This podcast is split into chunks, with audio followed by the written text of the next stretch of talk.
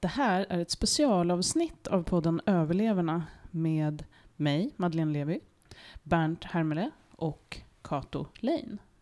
Hej Bernt och Kato. Hej, hej, hej. Vi sitter ju här för att ni är aktuella med en bok, med boken Överlevarna, som bygger på podden, eller hur? Stämmer. Mm. Hur känns det? Det känns jättebra, Det tycker känns, jag. o- känns ovant Ja, det är det. att sitta här. Men boken känns jättebra. Mm. Mm. Såklart. Jag eh, tycker väldigt mycket om, eh, det finns ett jordiskt talesätt, eller ett tankesätt egentligen, eh, som säger att man dör två gånger. Man dör när man slutar andas, och så dör man en gång till när ingen längre minns en. Mm. Eh, och jag tänker mycket på det när jag tänker på podden Överlevarna. Ja. Handlar det om det där att förlänga livet? Jag kände inte till det där talesättet för jag kan den andra hälften men tvärtom. Det vill säga så länge någon minns en så lever man. Det är ju Mm. samma sak såklart. Mm. Men det där tycker jag är elegantare, eh, kanske brutalare uttryckt för all del. Ja, det är klart det handlar om minnen. eh, Ja, det tror jag. Mm. Att vi vill... eh, Men det handlar ju om, om ens eget minne också. Alltså vad, vem vill man vara som människa och sådana där grejer. Tycker, för mig i alla fall lika mycket som att upprätthålla något slags teoretiskt minne. Mm. Jag vill bli påmind om mig själv. Mm. Mm. Kan man säga så? Mm. Vad säger du? Ja, jag fick ju... Alltså det här med överlevnad, det är på något vis på något sätt nytt för mig. Eh, Jag har inte varit så engagerad i, i de här områden liksom. Ehm, Och jag tänker eh, oftast när vi har lyssnat, jag tänker hela tiden på min egen pappa liksom så här. Mm. Som var krigsseglare så. Mm. och har en annan ingång. Och alla hans trummor och mardrömmar efter eh, hela min barndomsuppväxt. Och, så. Mm. och jag tycker det är väldigt av det samma plan på något vis. När man sitter och lyssnar på det som hände i Auschwitz och det som min pappa upplevde på eh, Atlanten. Liksom. Mm. Berätta. Ja, han var ju eh, ung eh, matros och eh, åkte ut. Och så kom kriget. Mm. Och eh, de gick konvoj mellan New York och Liverpool. Och blev torpederade tre gånger över eh, Mm. Atlanten. Mm. Och när är du född? 57. 57. Mm. Och det här Ja. spökade fortfarande? Förlåt? Det här spökade fortfarande? Ja, absolut. Det kom ju tillbaka eh, hela tiden till honom. Ehm, och det som jag hittade sen efteråt, det var ju bilder. Han köpte sig en kamera i New York. Så han tog ju bilder på sina kompisar på båten och på väg över. Och så plötsligt så ser man bilder på en halvbåt som flyter utanför eh, Shetland. Så blev han rädd att han 1943 så här, den bara roterade. Det var en postman som hörde motorljudet ifrån eh, den här tankbåten och fick dem i land. De visste ju inte om det var fiender eller vänner. Så. Ja. Var det här vid Shetland sa du det? Ja. Mm. Men snackar ni om det här någon gång? Väldigt lite. Jag har varit tvungen att googla upp på det här. Oj. Fick upp eh, skeppet och där står det ju alla som dog och alla som överlevde. Och... Så där stod din pappa? Ja, min pappa stod där. Och... Så det var otroligt häftigt. Alltså en sån... Jag fick så här rysningar när jag eh, läste det. Mm. Men eh, jag har ju väldigt många bilder för jag, jag fick hela fotolådan, en sån här Cuba cigarrlåda med bilder från New York och, eh, och, och kompisarna där på båten. Så de där bilderna har ju följt mig genom, och han dog ju på, nej, han dog 86. Mm. Så jag hade flyttat till Sverige då. Så det var först efteråt att eh, det kom till mig. Han har ju pratat lite om nazismen. Och, och sen var ju det också när han kom hem efter kriget. Eh, så fick han ju veta då att eh, hans mamma var död. Hans lillasyster var död. Och hans två bröder var nazister. Oj. Som, som satt inne liksom i, eh, i fängelse. För att de, de stod NS då i Norge. Mm. Så Krigsförbrytare. var kanske inte eh, Hitler-nazismen, men det var ju mer eh, Quisling-nazister. då. Mm. Så det var ju en chock för han att komma hem till det. För det var ju det värsta han hade varit med om. Det som hade hänt honom. var på grund av kriget och nazismen. Mm. Så jag tror, de kom ju ut men de hade väldigt lite kontakt med varandra. Ja, det De läkte aldrig det läkte den aldrig riktigt, relationen. Mm. Mm. Ja. Så, satt de på Grin eller var satt de någonstans? Det är dina farbröder vi pratar om, eller? Ja, det, precis. Det är mina farbröder. Nej, de satt i Vardö i så Ja. gammal militär eh, där de hade... Grini var ju politiska fångar Ja. under Quislingtiden Ja, som, som fick Men jag sitta tänkte det där. kanske användes sen... Nej, det var ju, allt det här var uppe i Ah. Nordnorge. Och, Okej. och samtidigt var ju allt sönderbränt där uppe. Det fanns, alla var ju tvungna att flytta söderut. Tvångsevakuering. Mm. För um, tyskarna gick ju in i Ryssland mot Murmansk. Så blev de pressade tillbaka. Mm. Och ehm, och eftersom eh, ryssarna pressade tyskarna tillbaka så brände de varje by. Dödade alla kossor, alla, allt djur, allting. Så det var helt dött där uppe. Ehm, så det var ju det folk kom tillbaka till efter kriget. Mm. Börja bygga upp. Raserat verkligen. Så där uppe var det ju det som, och det var ju det som var mina mm, vänner till mina föräldrar, så att de berättade ju om det här. Det var ju den ingången jag hade till kriget. Och det här med Auschwitz och de här berättelserna som vi har fått nu, som jag har fått. Det är ju en ny sak. Väldigt detaljerat som jag aldrig har riktigt kunnat ta till mig. Mm.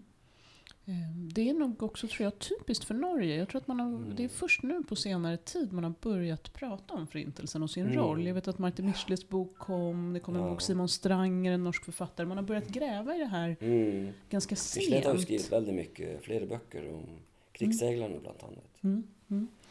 Ehm, och det där, det är ju intressant, det är ju så nära oss i Sverige. Ja, Och det Ja. fanns ju koncentrationsläger även i Norge. ja, ja Grini är ju det Ehm, mest kända. Precis. Ehm, det där är väldigt intressant. Bernt, jag vet att du, jag har läst att du levde och trodde under ganska lång tid under din barndom att din familj inte var drabbad av Förintelsen. Ja, långt upp i vuxen ålder. Tills relativt, ja, kanske för tio år sedan. Oj, det är så, Ja, det är så eh, nytt nyligen. alltså. Fem, tio år sedan, jag kan inte komma ihåg exakt. Mm. Vi, jag hade en morbror som, som man sa, försvann i kriget.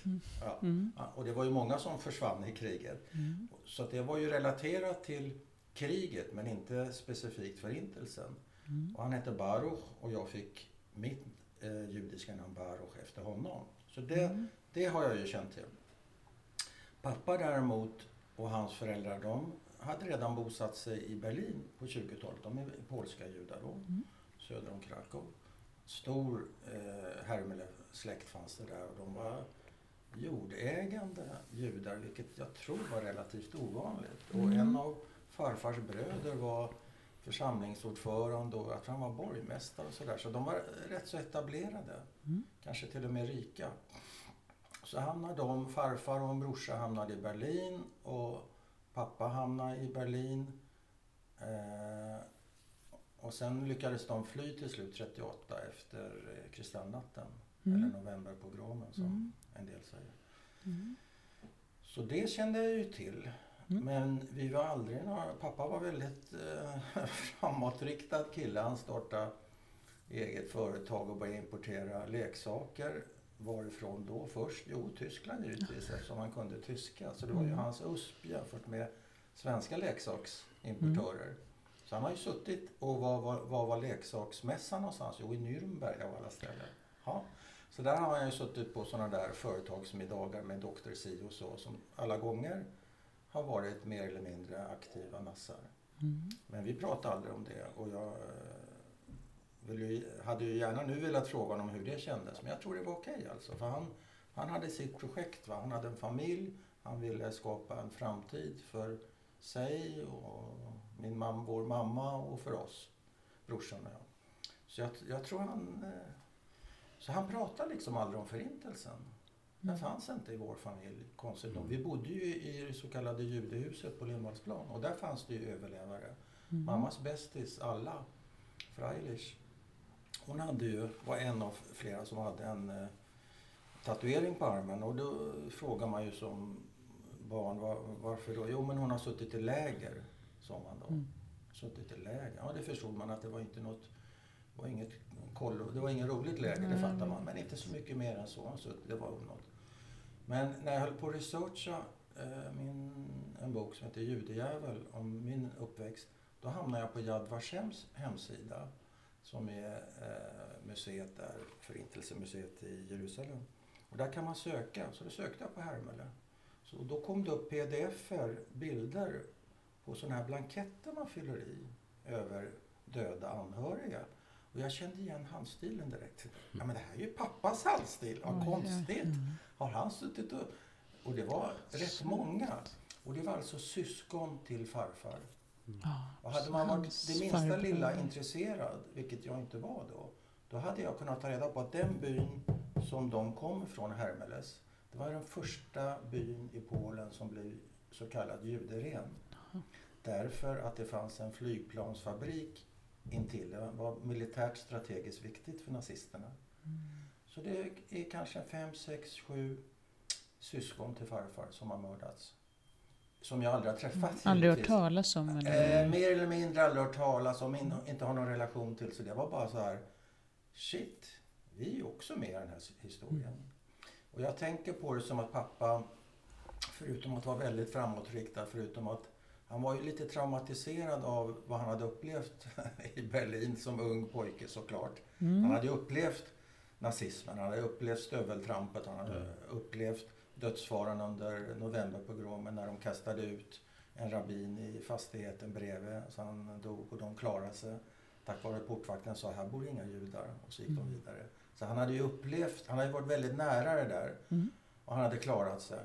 Så det var nog ett trauma. Men jag, jag vill tro också att han ville skydda brorsan och mig från det här. Mm. Att han hade uppfattningen att det här behöver inte vi tids Mm. nog. Va? Och jag tycker det är en... Ja, jag har ingenting emot det. Nej. Nej. Att, jag uppväxt, att jag upptäckte när jag kanske var 60 eller något sånt där. Det var väl också lite på sätt och vis andra tider i samhället. Man pratade mindre om Sant. förintelsen Mm. När, då än Ja. vad man gör idag. Ja. Men Shoah, eller den hette väl Holocaust, den amerikanska tv-serien kom ju Mm. ändå 89 eller något sånt där. Mm, Då, det är klart. Då, ja, då var det så att... Sofias val var ju också en sån Ja, där film det är som med blev och så stor. vidare. Mm. Så det, Mm. men i början, ja, Mm. pratar man inte med. Men det kom ju sen mer och mer. Men jag vet inte. Men jag, jag känner mig tacksam för att, eh, för att jag besparades där. Mm. Nu har vi kompletterat den här minnesväggen vid eh, församlingen. Det finns en, en gång mellan församlingen och Stora synagogan. En stenvägg där det finns inhuggna namn. Och nu fanns det möjlighet att komplettera. Mhm. Och då har vi gjort Mm, det. då finns de där nu. Ja, så nu Mm. kommer de finnas där. De kanske redan finns där, jag vet inte. Mm. Och det är väl bra. Mm. Nu är det någon som minns dem. Ja, just Ändå. det. Ja, kan man säga. Till slut. Ja. Man brukar säga att tiden hon är rättvis. Ja. Och det, jag tror det ligger någonting i det. Ehm, och podden Överlevarna, hur började det? Ja, den började egentligen med att jag skrev klar min förra bok som heter Kommer de så skjuter jag oss. Mm.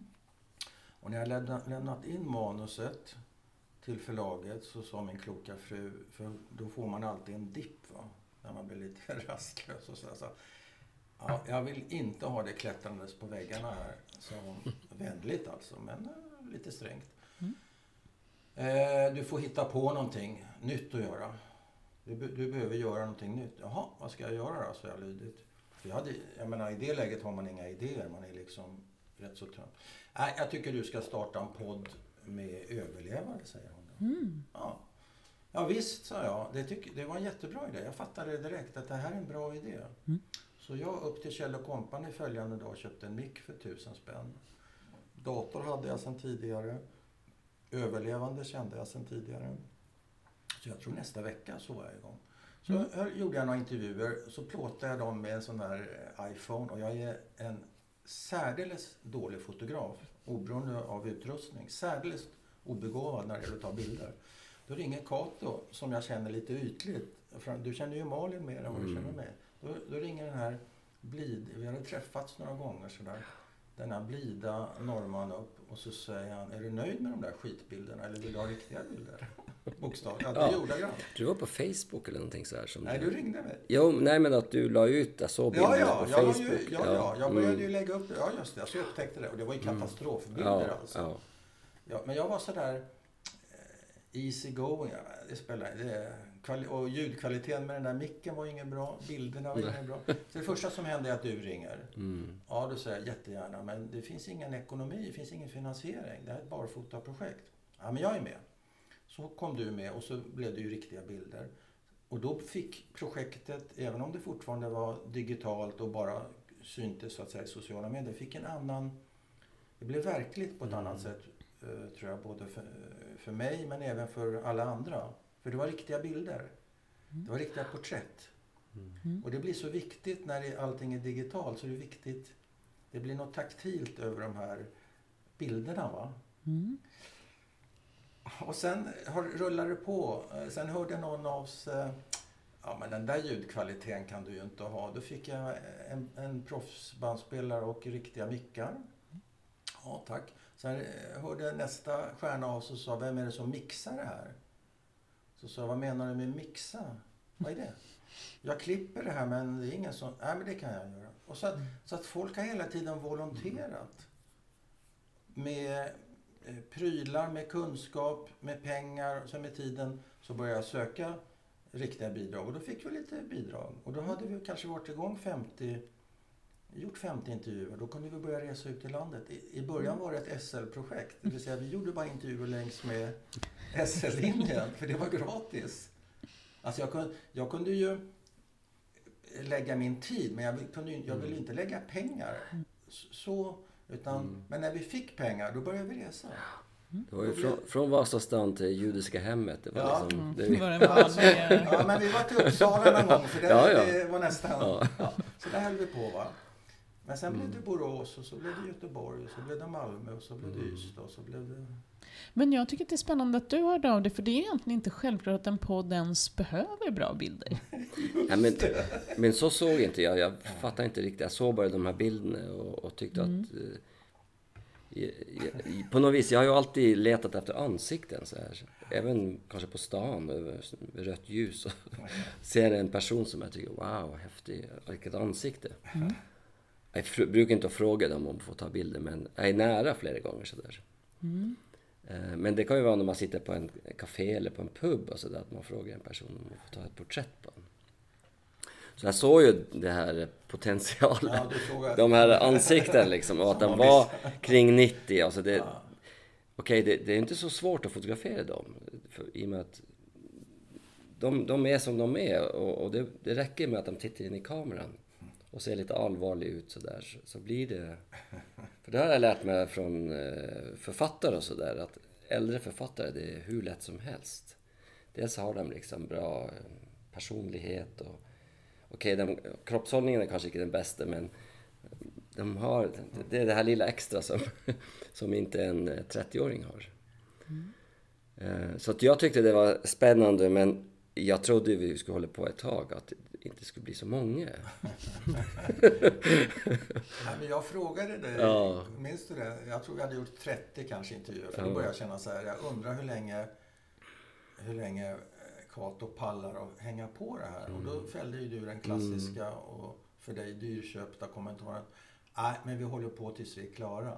Ja, Och det blev 130 avsnitt, då var vi klara. Det var väldigt fint, för det, för, Mm. för det vidgade horisonten för mig också när du sa så. För jag visste inte heller, ska vi göra 30, ska vi göra 50? Mm. När du sa det då, då var det liksom the sky is the limit. Vi håller på tills vi är klara. och så var det ju lite så att det blev mer och mer uppmärksamhet på, på Facebook, Ja. sociala medier och sådär. Att Trafik. den här bilden, trafik ja, och det här. Allting. porträttbilderna tyckte jag såg väldigt bra ut. Och, Ja. Så att jag, det att det var bara en podd, det var inte jag så, det var inte så farligt tyckte jag.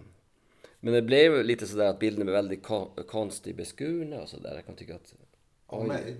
Ja, av dig eller så som det, hela poddformatet såg ut Ja, liksom ja, sådär. ja, ja. Så då oftast gjorde- så gjorde jag en egen eh, Ja. delning på min Facebook-sida Ja, med hela bilden så som jag hade sett den från Ja, början. fick du sista ordet. Ja. Ja, men ibland har du, ja, du, det finns en knapp där på Instagram. Om du kl- klickar på den, då kommer hela bilden med. Ja. Väldigt försynt. Jag misshandlar ju dina bilder ibland. Ja, och han gjorde alla bilder kvadratiskt. Ja, jag trodde, jag trodde du skulle vara... Instagram-formatet. Ja. Ja. Men varför blev ni klara efter just 130? Ja, men dels kanske en viss mättnad. Dels eh, eh, blev listan kortare och kortare av prospects av Mm. tänkbara namn. Mm. Så, så att det, det tog slut där. Mm. Och det är klart, hade jag lagt i en överväxel så kanske jag hade kunnat krama ut tio till eller någonting sådär. Men det, då kändes det bra. Då började det här bokprojektet ta form. Så att det, då var vi, klar, då var vi klara. Mm. Jag tror nog också nästan de sista tio som vi gjorde, det, då var ju du nästan klar med Ja, texten till Ja. boken till exempel. Mm. Så som vi var ju i Israel också och vi var i Norge och, och Danmark. och i Danmark. Men ja, Danmark kom ju med men ingen av dem som är i Nej, Norge slutet. kom med och ingen från Israel heller liksom. För då var det ju... Ja. Så att det, liksom, det ena övergick i det andra kan Ja. man sä- säga. Plus att den här listan, vi hade inte så mycket ogjort. Så det, Och är det något tillfälle som är sådär stack ut under det här arbetet? Något ni aldrig kommer glömma? Nej, jag har inte något... när du somnade. Nej, det gjorde jag aldrig. eh, ja, alltså jag har ju, det är ju väldigt känsligt, kanske till och med osmakligt att hålla på och säga den där är bäst och den där är sämst. Du frågar ju inte efter Mm. sämst. Men jag, jag skulle ju ljuga om jag inte nämner Hanna Dahlgren som berättade i sju timmar. Mm. Och som har, som har också den längsta berättelsen i Mm. boken. För den är så den är så fantastisk på så många olika plan. Den är så detaljerad, den är så eh, empatisk och den är så brutal. Allt på en gång. Så den, Mm. hon står ut. Mm. Hon, ha- hon hade dessutom sin man hemma eh, med, en, med en rätt svår Alzheimer som hon skulle ta hand om under de här sju timmarna. Så hon, hon bröt vid, vid tre och en halv timmar. Då var jag Mm. färdig att packa ihop för då var jag mentalt precis slut. Då sa hon, ja, men nu ska jag ge honom lite lunch, omelett. Tänkte jag, gud vad skönt. Kanske hon inte vill fortsätta. Så. Här kom hon tillbaka så körde hon en gång tre och en halv timmar till. Guld, och det var guld liksom rakt igenom. Så det är, en, det är väl ett speciellt minne. Men det låter som en klyscha, men varje möte är ett minne givetvis. Mm. För livet. Mm. Absolut. Var ni beredda? Trodde ni att eh, det här kommer bli ganska långt? Eller går ni alltid dit och tänker att det kan bli en timme, det kan bli en, två? En till två. Mm. Det här var Och så blev det sju. hennes första gång hon berättade. Mm. Hon har varit psykoanalytiker och hon hade så intressanta tankar om sitt liv. Och om andras liv. Hon, säger, hon berättar bland annat om första och enda gången hon gråter. Och det är i Auschwitz. När en judisk vakt, en, en ung kvinna, slår till henne.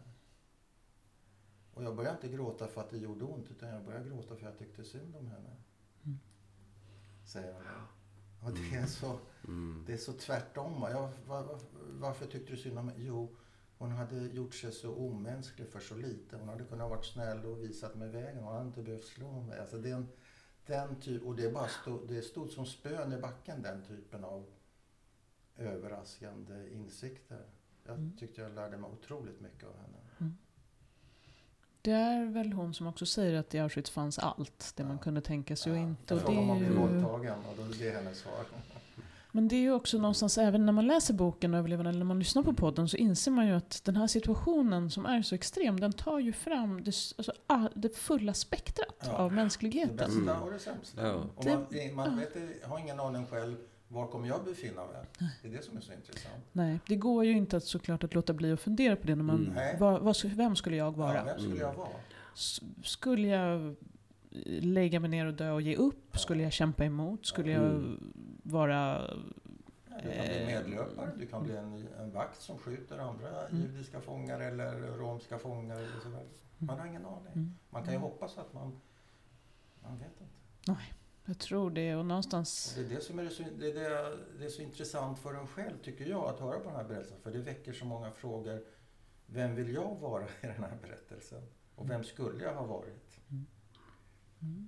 Det finns ju en annan sån, för mig i alla fall, väldigt gripande passage. Det är, eh, jag tror, är det Bella Citron va? Som, Mhm. eh, hon, som hon säger så skickar hon sin... Han. Eh, förlåt, det är en Ja, han. Som skickar sin kusin Ja, i döden. Ja.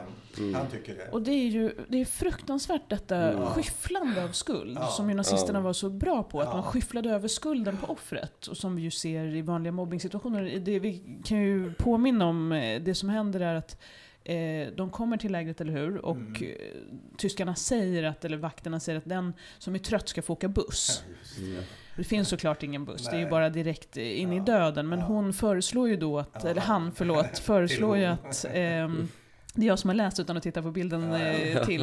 Eh, föreslår att den här ut, utmattade kusinen, Mm. Eh, som fortfarande är ett barn, ska åka buss av omtanke. Ja. Och han är också Men- ett barn, märker Ja. jag. Ja, ja. Mm. Nej men precis, Och och du fattar det här säger- beslutet. Ja, då, och, och det är mitt ansvar att jag körde henne i döden. Så sa men det är väl inte ditt ansvar? Jo, det tyckte han. Mm.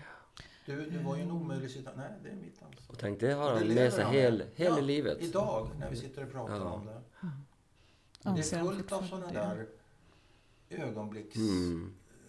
Jag tänker också på Dora Bodlander. Hon ska gå ut ur baracken i Auschwitz en dag och då ligger en person, en kvinna, närmast utgången som sträcker ut sin hand och så säger Dora ta min hand, jag tror jag ska dö. Mm. Ja, just det. Ja.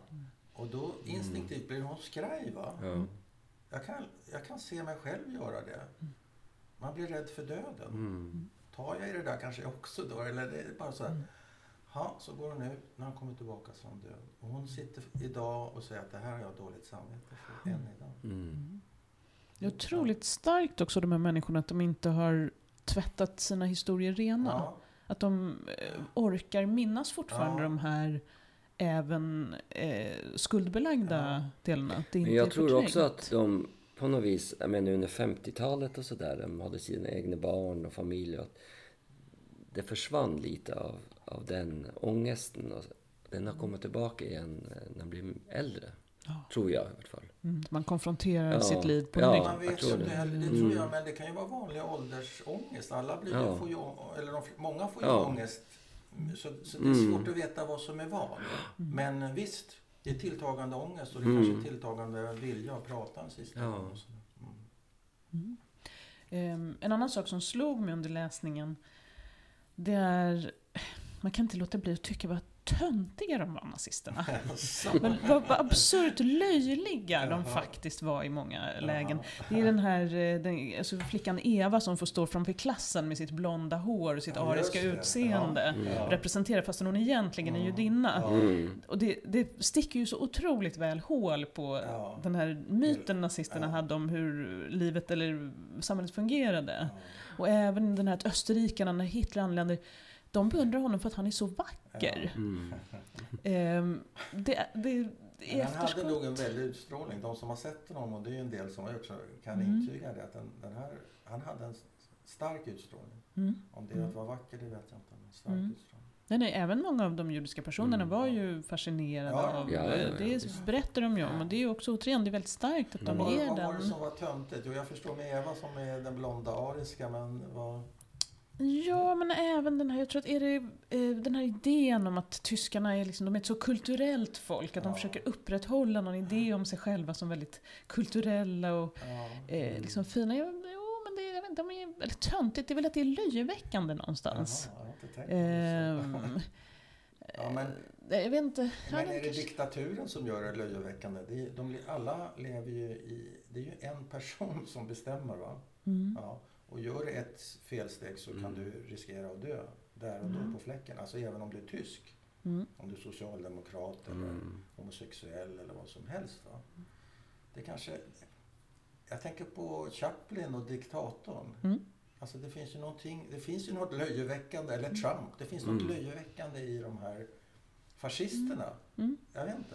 Ja, men precis. Jag läste en väldigt otroligt bra bok ganska nyligen som eh, heter Dagordningen av Erik Vuillard. Ja. Och han lyfter ju fram just de här eh, liksom, ja, men just väldigt löjeväckande scenerna som Ja. liksom leder fram Ja. till andra världskriget. Eh, till exempel så berättar han att vid Anschluss så var det ju så här att de fordon man hade att tillgå när man skulle rulla in i Österrike, Ja. de var ju helt undermåliga. Eh, och man kommer ingen vart, man får massa bensinstopp på vägen och liksom de står där, hela den här tyska armén som ska vara så otroligt imponerande, den fastnar ju ganska nära Mm. gränsen. Och till slut så har de så bråttom till Wien där de ska fira sin framgång. Att de får alltså lassa på sina tanks, sina, hela arméns utrustning på ett tåg. Och frakta. Ja, det, För de har inte ens kapaciteten att rulla från gränsen och till Wien. Ehm, och hade någon bara stuckit hål på denna ballong Mm. ehm, hade någon då insett att man faktiskt inte, det var inte det här liksom maskineriet Nej, som var, inte då. Eh, inte Nej, ännu då. nej. Det blev ju väldigt Ja, effektivt krigsmaskineri sen. Men eh, hade man vågat se hur löjliga de var så hade man kanske också gjort ett starkare motstånd. Ja, Eh, det är lite ett annat spår Ja, än, men jag ser spår av det här även i Mm, överlevarna kan ja, jag känna. Ehm, eh, boken är indelad. Eh, du valde att eh, dela in den liksom ett före, ett under, ett efter. Ehm, hur har det här arbetet gått till? Hur har du sorterat? Hur har du, hur Ja, har du velat arbeta med berättelserna? Ja, det första jag gjorde, och det gjorde jag när jag redigerade, för jag har trots allt redigerat podden, jag har inte mixat den, men jag har redigerat varje avsnitt. Och då har jag suttit och skrivit ut i princip varje samtal. Så jag hade de här, det är ungefär 200 timmar, jag hade det i manus, i någon slags råmanus. Ja, så det hade jag. Sen behövde jag ju ta vissa beslut för att, för att liksom komma igång. Va? Det första beslutet var att bara för att man har varit med i podden så är man inte automatiskt med i boken. Det är ett annat inträdesprov. Ja. Så det var ett, ett beslut. All, alla behöver inte vara med. De kan vara med, men, men det är inget måste. Man kan liksom inte... Jag, jag ålägger mig inte den, eh, det ansvaret, utan jag vill göra ett urval. Mm. Och det var lite, det, det lättar lite på locket eller vad säger, så att man kan, fick lite syre och kunde börja tänka jag ville ha det. Och det andra tror jag var att jag såg det här framför mig som en tidslinje. Och när jag väl hade tänkt den tanken så blev det mycket lättare. Eh, innan jag tänkte den, förlåt. Steg två var att alla av de som skulle vara med skulle inte ha lika stort utrymme. Så det skulle inte vara tre sidor foto, tre sidor foto, tre sidor foto. Utan jag gör en prövning även av längden. Och jag såg framför mig att det skulle vara många korta citat gärna. Av någon anledning. Och det, den tredje idén som gjorde att det föll på plats, det är den här tidsaxeln. Och när jag hade tänkt den tanken då trillade de här citaten ner nästan som av sig självt. Och det betydde att eh, en intervjuad kanske bara är med en gång och en annan intervjuad kanske med tre gånger på tre olika ställen på den här tidsaxeln beroende på vad jag behövde så att säga för att fylla i luckorna. Och sen var det bara att sätta igång och göra det. Så det, det, det var liksom tre, två tankar, två beslut och en tanke kan man säga att det var. Och när det var gjort, då var det, då var det bara jobbet kvar. Då var det rätt lätt. Det är ett, ganska, det är ett rikt bildmaterial, det är dina porträtt. Mm. Ehm, är det, och sen är det ju också eh, privata bilder. Ja. Ehm, hur har ni arbetat där? Har ni samlat in det? Det Ja, har... Oftast gjorde vi så att ehm, jag satt ju med lite i början. Eller nu, nu jag, det var lite så här när vi kom hem till folk. Det kunde vara vid den här tiden på förmiddagen. Att det var bra ljus. Och jag visste att klockan eh, om tre timmar så är ljuset borta. Så då valde jag att ta bilden innan eh, samtalet. För man vet ju aldrig om det blir en, hur långt det här samtalet blir. Och sen frågar vi alltid, eller jag frågar om, om det finns några gamla arkivbilder. Så de tog fram fotoalbum och sådär som de hade.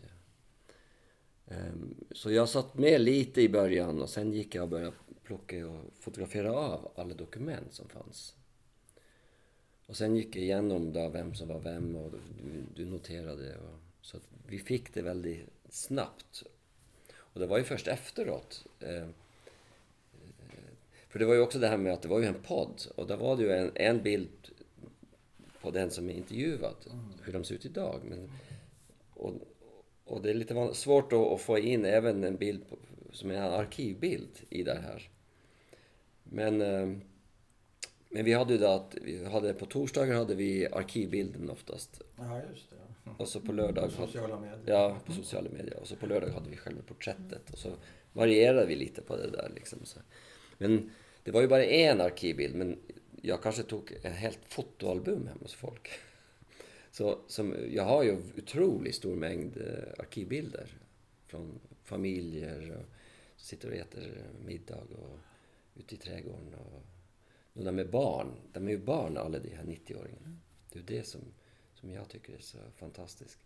Så det liksom växte ju. Det, Ja. blev ju ett, ett nytt projekt, nämligen ett dokumentationsprojekt. Ja. Det hade ju inte så mycket med podden att göra. Men jag tror vi anade att det här, det här vill vi ha. Mm. Och så får vi se vad vi gör med det. Men jag antar att de här albumen i sig har en överlevarhistoria? Bara hur de har fått Alltså det, ut dessa precis, det bilder? är väldigt många historier om dem. Någon grävde ner det vid ett träd och kom tillbaka några år senare efter kriget och plockade upp det igen. Och någon fick väl skicka iväg det till USA eller Ja, till och fick släktingar. tillbaka Ja, från USA ja, efter kriget. Det är liksom... Ja. Absolut. Så, ehm, så jag tyckte det var, och så då att se på de här personerna och de med barn. Att det, jag kan känna igen ögonen och så där. Och det är samma ögon fortfarande fast de är 90. Eh, när man tittar i den delen, det är där, eh, vad ska man säga, det som leder fram till eh, lägren, det ju- för, känns som att det går fruktansvärt fort. Förflyttningen i samhället mot eh, nazismen, att man sväljer det här. Det går verkligen fort, den omställningen. Ja, Håller ni med? Eller är det... absolut. Ja. Men ja, fort, men små, små steg. Och i, i den meningen nästan omärkligt. Mm. Efterhand är det ju Mm. lätt att se det. Va? Mm. Men visst, det, det, är rasande, det går ju med rasande fart. Alltså direkt 33 så Mm. sätts, sätter de igång. Ändrar domstolarna till exempel uppdrag och sånt. Mm. Direkt. Mm. Och sen kommer ju lag... Och då kan Mm. man, när, när domstolarna, nya domstolar är på plats, då kan du börja lagstifta. Och, Mm. och sen är det igång. Absolut, det är förfärligt. Det går väldigt, väldigt snabbt. Det var ju som en sa också att, eh, att eh, eh, tyskarna var ju så kultiverat folk så de kunde ju inte tro att det skulle, hur det skulle ända där här. Och, eh, och det var ju väldigt många som trodde det i Sverige. Det var ju väldigt tysk och nazistvänlig i Sverige, i Stockholm. Mm.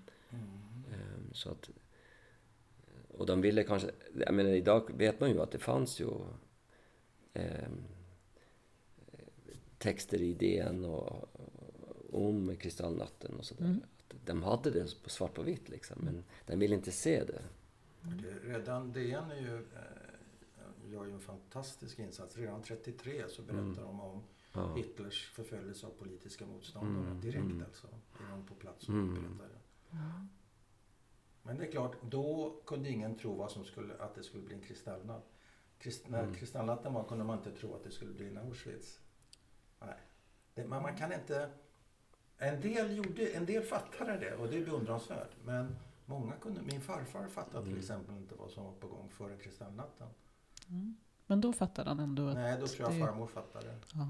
Och då, tog, då flydde de till Stockholm där farmor hade en syrra. Eh, Jag tror aldrig min farfar fattade riktigt. Men det är ett otroligt beslut att ta det här och, Ja, det är ett stort beslut. på grund av det som hände med kristallnatten. Ja, Och ta det här beslutet, okej Ja. nu, nu sticker vi. ja. Men det var i sista stund. Mm. Men så att jag sympatiserar med alla och jag begriper inte riktigt vad det är som händer nu. Och jag bara tänker så här, men jag är nog rakt nedstigen från min farfar. För han begrep heller ingenting. Mm, den där frågan om våra tider nu, Ja. jämförelsen med 30-talet. Ja. Den är ju den är inte helt enkel, men om man tittar det ni har sett i det här projektet, förstärker det din bild av att vi är liksom på väg åt samma håll? Nej, den gör inte det. Det beror ju på vad du bestämmer dig för. Hur du vill titta på glaset. Och jag tittar på glaset just nu som att det här är en upprepning av 68. Det vill säga en vänstervåg som var man höger 1968 så uppfattade man, och vi, jag vet inte om vi är överens, så du, du kan ju korrigera mig sen om du vill Kato. Nej, men det, Eh, nej, nej. Men var man höger då så uppfattar man ju det definitivt som en galen tid. Alla gånger. Mm. Och kanske på goda grunder. Jag menar Olof Lagercrantz eh, skrev en hyllnings, tre hyllningsartiklar om Kina och sådär. Kulturrevolutionen. Inte helt klockrent kanske. Eh, och det tog ungefär 20 år och så lugnade det där ner sig. Ja, det fanns ju bra saker. Eh, så att jag ser det mer som att det är en pendel än att det skulle vara 30-talet. Men det kan ändras väldigt snabbt. Och då kanske jag står där som min farfar och kliar mig i bakhuvudet och säger ja men det här, det här var ju fel tänkt. Så jag vet inte, men så tänker jag på det idag. Hur tänker du på det? Ja, precis. Nej, men det där som du säger nu, det, det, det tycker jag är ganska nytt ifrån dig. Ja, jag tycker det är en intressant vinkel liksom. Ja. Så här. Jag har sagt 30-talet tidigare, men jag gör Ja. inte det längre. Nej, men alltså det som jag kan tycka är att eh, väldigt många tror det att, ja men låt oss ge SD och allt det som händer i hur det här öppna hatet bara blir grövre och grövre och ehm, man kan säga vad som helst idag liksom. Att man ser ju hur det ökar liksom. Bara på två år så har det ju ökat otroligt mycket. Och jag, jag vet inte om det finns något... Hur ska man få stopp på det? Om det går? Vad ska hända för att det ska... Att folk ska eh, skämmas? Ja, just Det här med anständighet som du har Anständighet, pratat ja, ja. alltså, Det är som bortblåst tycker jag. Ja. Och speciellt eh, när man läser i ti- tidningar och kommentarfälten och sådär. Eller följer med både i Norge och i Sverige liksom. Jag tycker jag är otroligt fascinerad av... Du är ju mycket mer i det där än jag. Ja, ja, Jag ja. går inte ner i den där Nej. Jag nej. pallar inte det. Nej, men jag, jag, det. jag försöker förstå liksom, men jag, jag, jag fattar jag- inte det hatet. Jag tycker inte och... det finns något att förstå. Nej, det Nej, men det är väl kanske en slags bekräftelse för mig själv Ja. också. Att jag vill, jag vill gärna förstå det här Ja. hatet. Liksom. Hur kan folk tro det här? Men jag tänker också på den här 68-liknelsen som Mm. jag nu har börjat lansera Ja, i modern tid. För mig är det ett sätt att orka. Va? Alltså jag Mm. gillar ju inte att vara rädd. Och skulle jag börja tänka 30-tal då skulle det inte dröja så länge förrän jag blev rädd. Och är jag rädd då kan man ju inte jobba, då kan man inte tänka, då kan man ju inte möta Mm. människor. Då går Mm. man ju omkring och hukar på gatorna. Va? Det är inte Mm. min stil. Och då måste jag hitta ett hyfsat realistiskt tänkesätt som inte är helt världsfrånvänt. Det är kanske bara halvt världsfrånvänt. För att liksom ha kvar mitt goda humör och mitt, eh, min lust att göra grejer. Balansen där det fortfarande finns Ja, utrymme mm, att ja, agera. ja. Men det där med antisemitismen, och det är ju, eh, måste jag säga, det är ju går ändå, det är ändå svårt. Man skulle ju vilja i ett sånt här projekt hitta svaren. Att så här, hur kan man mota Mm. liksom, antisemitismen i grind? Hur kan man Ja. motarbeta det här? De här Ja. fördomarna som Mm. är liksom ständiga nästan genom historien. De Ja. blossar upp ibland. Ja. Det är klart att Ja. förintelsen tog allting till sin yttersta spets. Ja, men ja. vi har dem igen idag. Ja, det Men det är otroligt ont om svar på Ja. Ja. hur, jag, eller ni kanske har svar. Jag, jag kan tycka att Nej. även den här idén om att så här, utbildning hjälper. Nej, utbildning verkar inte hjälpa så där jättemycket för att bekämpa Jag tror antisemitismen. som, som du säger Kato, vill man vara oanständig så är man det. Det är ju ett val som var och en måste göra. Ja, ja. Vill man välja den bussiga vägen, vara Mm. hjälpsam, empatisk, humanistisk. Mm. Man hjälper någon som har ramlat omkull, man ger en tiggare en slant, man eh, går och besöker en gamling, eh, liksom gör snälla saker. Ja. Eller vill man liksom löpa med SD-flocken? Det är ju ett val man gör. Var och en av oss gör ju de valen. Och jag vill inte löpa med någon flock för all del, men definitivt inte SD-flocken. Mm. Därför det, den är, det är ju bara egoism plus rädsla. Och det är en väldigt Mm. explosiv blandning. Plus lite grupptryck. Grupptryck, Ja. Det finns den här, det finns någon teckning med okunskap, rädsla blir hat eller något sånt där. Ni kanske har sett den som en kemisk reaktion. Man sätter liksom Ja, just det. Den där. Ja. Det finns olika sätt att uttrycka Mm. Men det, alltså hela den här sörjan va, som är politik, rädsla, Mm. grupptryck, eh, homofobi, och islamofobi, antisemitism. Det är Radikalisering ja, det är tycker jag till Ja, det det. är radikalisering. Ja. Vettiga människor, helt plötsligt bara säger man Huff, där flög, flög den ut, långt ut i högerdiket. Hur gick det? Det är ju explosiva grejer här. Så i den meningen kan man tala om ett 30-tal. Men jag tror en, en, en radikalisering behöver inte betyda att det blir ett folkmord. Det händer ju inte för all del inte så ofta, men radikalisering, absolut. Mm. Och det kommer säkert bli ett förtryck av oliktänkande. Men på 60-talet återigen så var det ju inte heller alla som var framme vid köttgrytorna. Och nu kommer det inte heller vara alla. Nu är det andra som inte kommer vara framme. Och det, det tycker jag man... Det, det kan man ju bekämpa. Och man får hitta alternativa strategier. Och man får sluta sig samman. Jag menar Mm. som högern gjorde, de startade ju Timbro under den här röda Mm. vågen. Det var ju smart gjort. Sen tog det tio år så blommade Timbro upp och så blev det en kraft i samhället. Tio år var det ingen jävel som brydde sig om Timbro. Ja, det var ju bara... Så att, ja, inte vet jag. Vi får återkomma om tio år så får vi se Så var vi hamnar. ja, var vi hamnade då. Mm. Vad säger du Det- själv? Är du orolig? Ja, jag är orolig. Det är det. Jag är väldigt orolig. Ja, det är det. Ehm, absolut. Eh, in, på alla plan. Allt Ja. den statistik man... Nej men allt ifrån att jag läser statistiken Ja. och ser hur hatbrott ökar Ja. och liknande. Men också, jag menar, det räcker med och Jag skriver ju inte mycket, jag är ju mest redaktör. Men det är svårt att skriva och ha ett judiskt namn och inte varje Mm. gång motta någon form av väldigt negativ kommunikation. Det säger ju ändå någonting. Det är. Ehm, det... Det är jobbigt. ehm, nej men så jag är nog väldigt orolig. Ehm, och ser Ja, vad gäller antisemitismen specifikt och vad gäller det större planet, samhället såklart, Mm. och det, hur vi ser på varandra. Men har du Ehm, fått någon sån här eh, Nej. från Nej, väldigt lite. nu på grund av boken? alltså? Nej, ingenting. Mm. Och genom åren väldigt lite. Men det är, man kan inte dra några slutsatser av sitt eget eh, fall. Det är ju så anekdotiskt, Ja, ja, det är precis. anekdotiskt. Mm. Så jag drar inga sådana slutsatser. Jag menar, får jag fråga kan jag ju svara på det. Men det säger ingenting om någonting. Mm. Såklart. Mm. Ehm, jag skulle vilja prata lite grann om ehm, tiden efter. Det är alltså den delen Ja. som är efter i boken Ja. Överlevarna. Min tanke där är att många av dem verkar nästan ha ett dubbelliv. Ja, Å ena Ja. sidan så är de ju fascinerande etablerade. Saker Aha. går väldigt bra, de skaffar barn, de arbetar, de får vänner, de bygger upp ett liv i Sverige. Ja. Det där har alltid varit för Mm. mig ot- helt otroligt. Har- Alltså att man kan komma från en eh, upplevelse som lägre än, Mm. och faktiskt sen, sen är det ju ett vanligt liv. Ja. De lever ju på, Ja. som de flesta. Ja. Och sen så, det man ju också läser här, det är ju nätterna. Mm. Det är ju som att de har ett liv på dagarna. Ja. Mm. Som är ganska vanligt. Och så Ja. har de ett annat liv på nätterna när de skriker. Och Ja, när de, ja.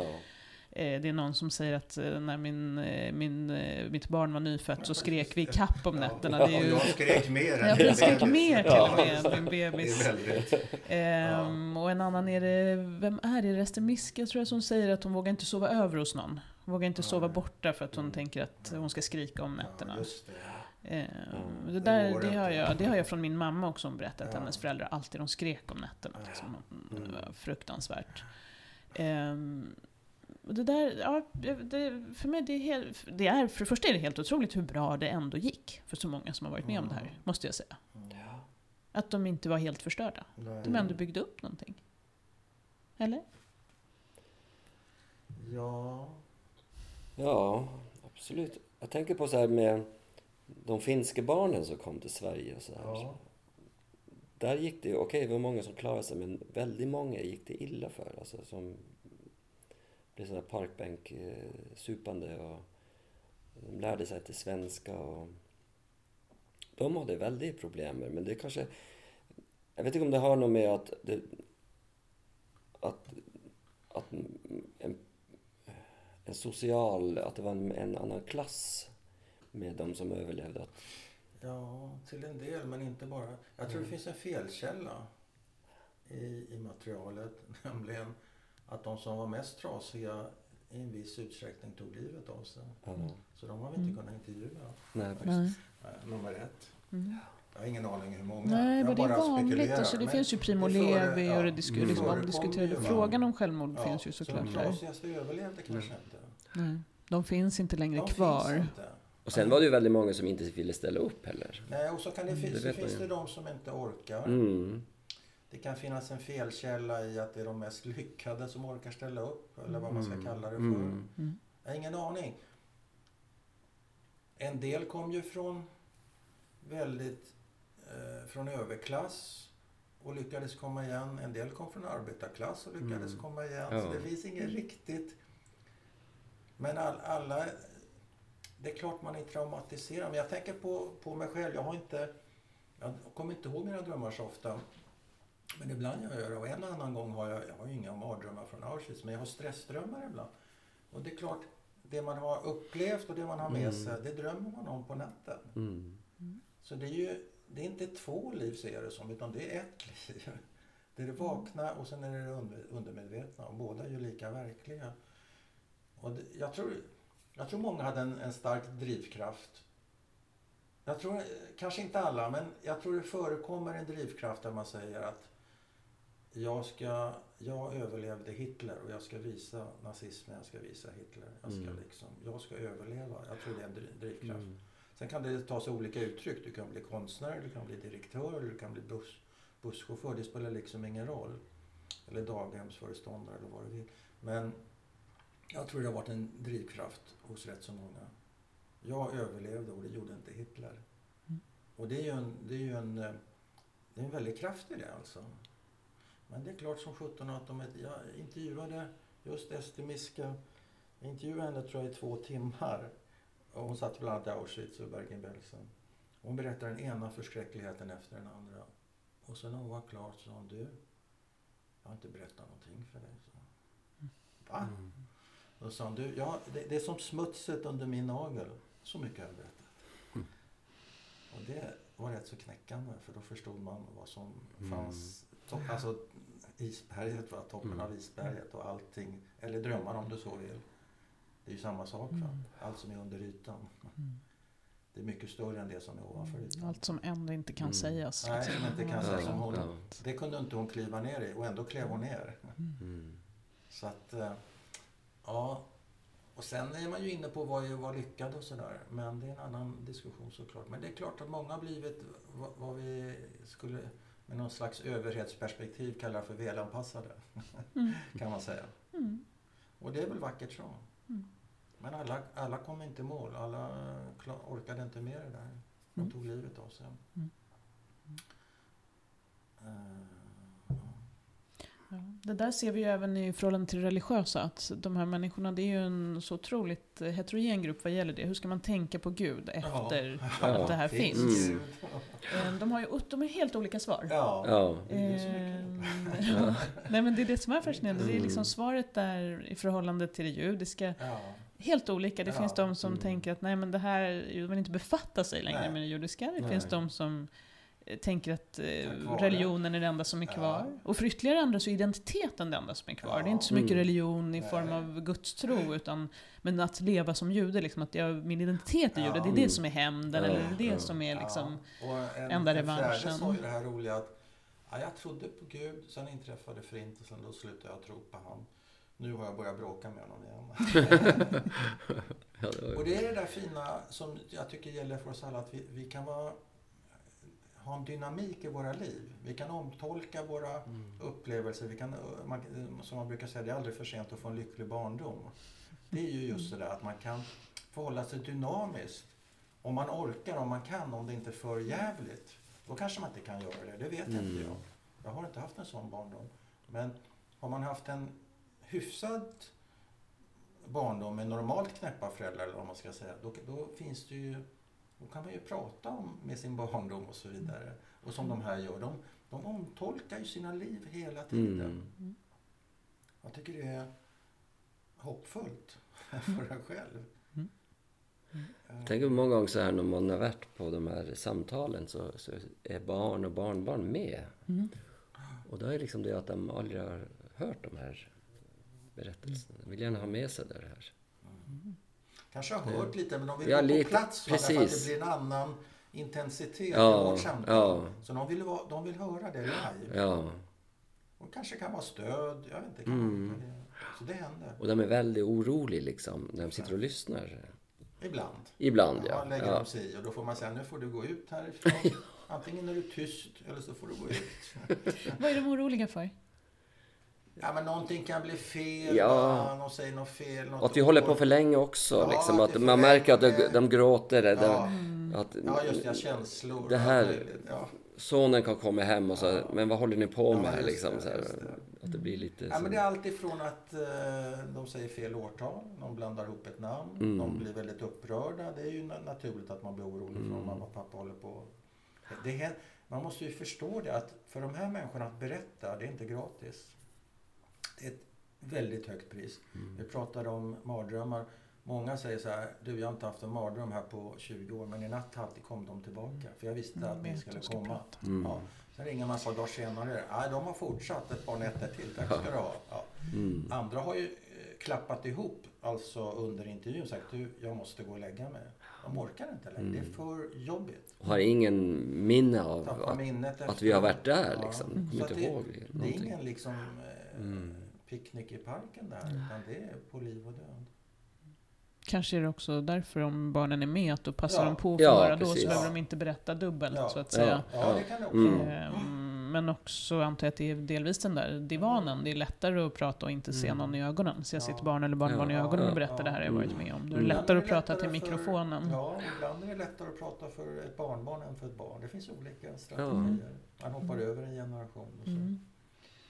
En del har inte berättat alls. Mm. Mm.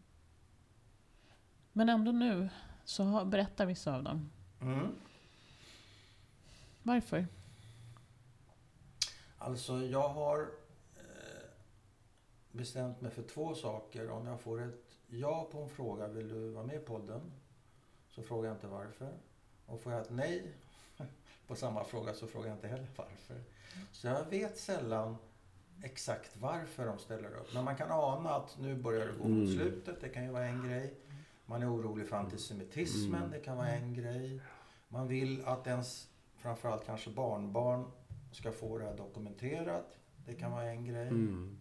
Kanske flera andra. Det kan nog vara många skäl men... eh, Och det är ju också det att många av de här, eller jag vet inte hur många i antal, som nästan aldrig har berättat de här historierna förut.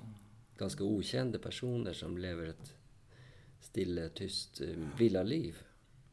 Vi har ju varit ute i landsorten rätt Ja, mycket. Jag har inte ja. kört så mycket med Rolodexarna i eh, Stockholm utan vi har varit i Borås, Ja. Linköping, Norrköping. Mm. Människor har hamnat liksom lite överallt. Ja, ja. Ja. Och det är liksom Ja, personer det som, eh, ju- ja. som kommer som är från Jugoslavien, berättar... Alltså det är ju Mm, olika ingångar i de här historierna. Och det är det jag kan tycka är väldigt intressant. Liksom, att det är inte den där klassiska... Från, väldigt många är från Polen förstås. Ja. Och där var det också som inte jag visste om det här med att de som är polacker, de kom ju så tidigt in i koncentrationsläger. Jämfört med ungrarna. Jämfört med ungrarna så kom, som bara var där ett år. Det Eller finns ju en motsättning mellan Ja. de polska och de ungerska judarna till exempel. På grund av detta. Mm. Ja men ungrarna, de, kom- de, det var inget... Och tvärtom. Ja. Nej, men som det blir va. Även grupper har subgrupper. Mm. Men det, det behöver man kanske inte göra någon stor sak Nej, av. Men, eh, ja, Vi har ju en som eh, är barn till två överlevande. Mm. andra generationen. Andra generationen. Ända, Och hans, jag tycker, vilket jag kan säga, jag gillar den berättelsen, men jag tycker det är en, också en ny in, vinkel Ja, på det hela. ja, liksom, hur intressant. den här, bara eh, en sån andra, Josef Fischer. ja, Mm. Den är jättebra. Den här kylan och det här... eh, Alltså de glömmer bort att de har ett barn. Att det här barnet ska lära sig svenska. Och föräldrarna står vid fönstret och tittar ut. De är rädda för att nazisten ska komma när som helst. Mm. Som man säger, jag växte upp med två kylskåp. Ja. Som, Men han... Nej, jag trodde han sa det, men eh, de hade två kyl... Ja, men min, Ja, det är okej, fel. det var så. Det var fel av mig. Han hade, de hade två kylskåp hemma för de var fulla med mat ifall Ja, okej, skulle- vad sa du alltså, var, Det var inte riktigt... Nej, men de var traumatiserade. ja, ja. Det var vad de var. Mm. Och eh, han växte upp i en helt jiddischtalande verklighet. Så när han kom till skolan så pratade inte han svenska. Och han var jätteförvånad att hans klasskamrater Mm. inte pratade jiddisch. Så isolerat hade han levat. Han kunde inte svenska, sju år gammal. Ja, wow. Rätt så speciellt. Mm. Men Så det är klart, det är så. Det känner man ju igen Ja. eh, även om jag tänker på min egen mormor och morfar. Ja. Deras umgänge var Ja, ju men väldigt eh, med sådana andra Ja. som kunde förstå Ja. eller som kunde Ja. relatera. Ja. Jag tror det var nog inte jättemycket bredare, Nej. särskilt inte i Och man början. hade svårt att umgås med svenskfödda judar för man tyckte de var oförstående. Det var de säkert också. Mm. De var inte intresserade och det var de säkert inte heller. Nej. Så då träffade man ju sitt eget gäng och så Mm. även- man kanske pratade om det eller man kanske inte. Men ändå, man har ju en... Men din mamma pratar väl också jiddisch mycket? Hon lärde sig jiddisch. Det gjorde ju man som eh, polsk jude. Ja, ja. Det var första språket. Men hon tvingade inte på Mm. mig det. Jag mig svenska. Nej men precis, det där är ju extremt. Ja, Men eh, hur är det med era drömmar då? Hur har ni orkat? Ja... Jag tycker, jag vet inte. Vill du börja? Ska... Har du haft mardrömmar? Eh, Pratar vi om boken eller? Pratar... Nej, arbetet, hur det har påverkat dig? Ja, ja. Hur- Nej, jag har ingen hur- mardrömmar, men det är klart att det har eh, satt spår. Och, och det är ju vissa dagar man kommer hem och man är helt slut alltså. Ehm, och jag kan fortfarande liksom, när jag läser i boken att jag blir helt tårögd liksom. Även när jag, ser, när jag håller på att jobba med bilden, att jag får det här, den, hennes berättelse kommer. Så blir jag liksom... Och jag har lite svårt att prata om boken faktiskt, för jag tycker det är så eh, starkt liksom. Det är som, ja, det, det, jag tycker det är nästan som, eh, du vet man, man tänker på sina egna föräldrar och så här, vilket helvete de hade. Och, ehm, och när man tänker på de här människorna som man har samtalat med. Må, många av dem, jag var, i och med att jag har kunnat springa ner i källaren och fotografera av deras fotoalbum så, så jag behövde inte sitta där när jag tyckte det var för, för jobbigt liksom. Så, så att, det var väl min flykt. Men, Nej, men det är ju... Jag tycker det har gått bra. Alltså det är ett jobb va, mm. för mig. Och jag tänker hela tiden på dem. Jag har inte betalt något pris. De betalar ett pris. Så har jag tänkt på det. Därför att det är så det är. Jag, jag behöver inte betala ett pris. Det är jätteintressant. Vi har jätteroligt och vi gråter och vi skrattar. Mm. Vad mer kan man begära? Eh, Och, jag, och det är jobbigt och sådär, men herregud. Det, det, nej, jag tror inte jag har vet med mig varit några mardrömmar och sådär. Det jag har, det är liksom ett brus i huvudet nu. Mm. Av alla de här berättelserna. De far runt i mitt huvud. Som ett körverk ungefär. Mm. Men det har ju varit mycket skratt och sådär Ja, också. ja. Ja, ja. Är ju, de säger ju väldigt roliga Ja, de är anekdoter. och, man, men, men så att jag bär med mig det här. mm. Men det är ju... Det gör jag så gärna. slipper man vara ensam. Rösterna som är Ja, med dig. rösterna talar till mig. Nej men alltså det... Jag har sällskap av dem och jag Mm. tänker på dem och jag... Ja, nej, jag har... Nej, nej. Men de har, de, de har fått betala många höga pris. Det här var väl kanske det lägsta priset de har betalat, berätta. Men eh, det har också varit ett pris. Mm. Det är viktigt att komma ihåg tycker jag. Ehm, jag tänkte kanske vi kan nästan avsluta. Jag vet att eh, åtminstone du eller ni två tillsammans har börjat med en ny podd. Ja, Vill ni berätta? Ja, eh, Det är också Bernts eh, ja, idé. Den är, den är min. Nej, det är inte min. Jo, det är min idé. Det är i alla Ja. fall en... Men Kato, du jobbar också med det. eh, Ja. Jag vill jobba mer med det hoppas jag framöver. Mm. Det är följande. Den heter Nakban. Eh, vilket betyder katastrofen. Och det är lite aktuellt. Sen igår höll jag på att säga tyvärr. Eh, handlar alltså om palestinska berättelser från 1948. Det är alltså det som kallas för Israels självständighetsdag 48. Och som palestinierna som då fördrevs, inte alla men många, eh, kallar för katastrofen. Så det är, en, det är bara en ny podd, samma idé. Vi har jobbat Mm. ihop i Sverige, Mm. 20 intervjuer kanske. Sen har jag rest till eh, Libanon och Jordanien själv och jobbat med lokala fotografer. Man var inte riktigt nöjd med resultatet så nu ska vi Mm. resa lite ihop också hoppas jag. Kanske till Västbanken och sådär. Om Mm. vi släpps in. Man vet ju inte vad som händer där. Men det, det är i korthet det projektet. Spännande. Är det någonting annat ni skulle vilja säga? Som ni tycker vi borde ha fått med? Nej, inte vad jag tycker. Ja, Det har gått jättebra. Mm. Det är jag som ska tacka. Ja, Tack så hemskt mycket. Ja. Och eh, som sagt, eh, man kan ju säga grattis till ett fantastiskt mottagande av boken Överlevarna. Tack. Ja. För den är ju faktiskt ute nu. Mm. Finns i handeln. Mm. Och eh, Har... Mm. Precis. Tack så mycket. Ja, Tack, tack. tack, tack. Hur långt Wow. det här då, tror ni? En timme. Eller? Drygt. Ett- ett- 1.05, det var bra gissat.